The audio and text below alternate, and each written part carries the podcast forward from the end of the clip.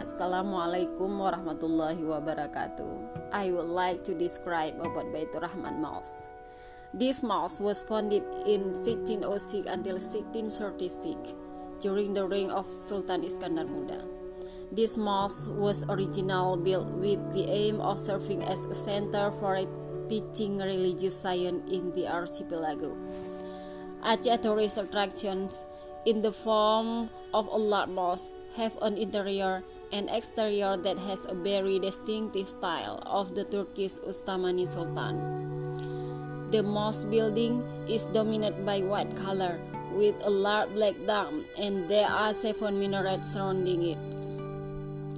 This mosque can accommodate up to 1900 worshippers in it.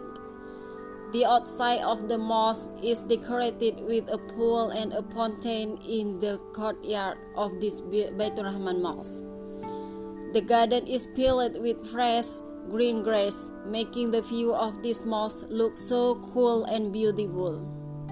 Because of this charming beauty, it is not wrong if the mosque, which a tourist spot in Aceh, is included in the 100 most beautiful mosques in the world.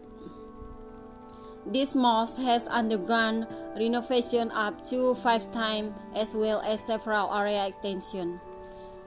In fact, this mosque was once a refuge for the people of Aceh when the tsunami disaster struck in 2004. Thank you.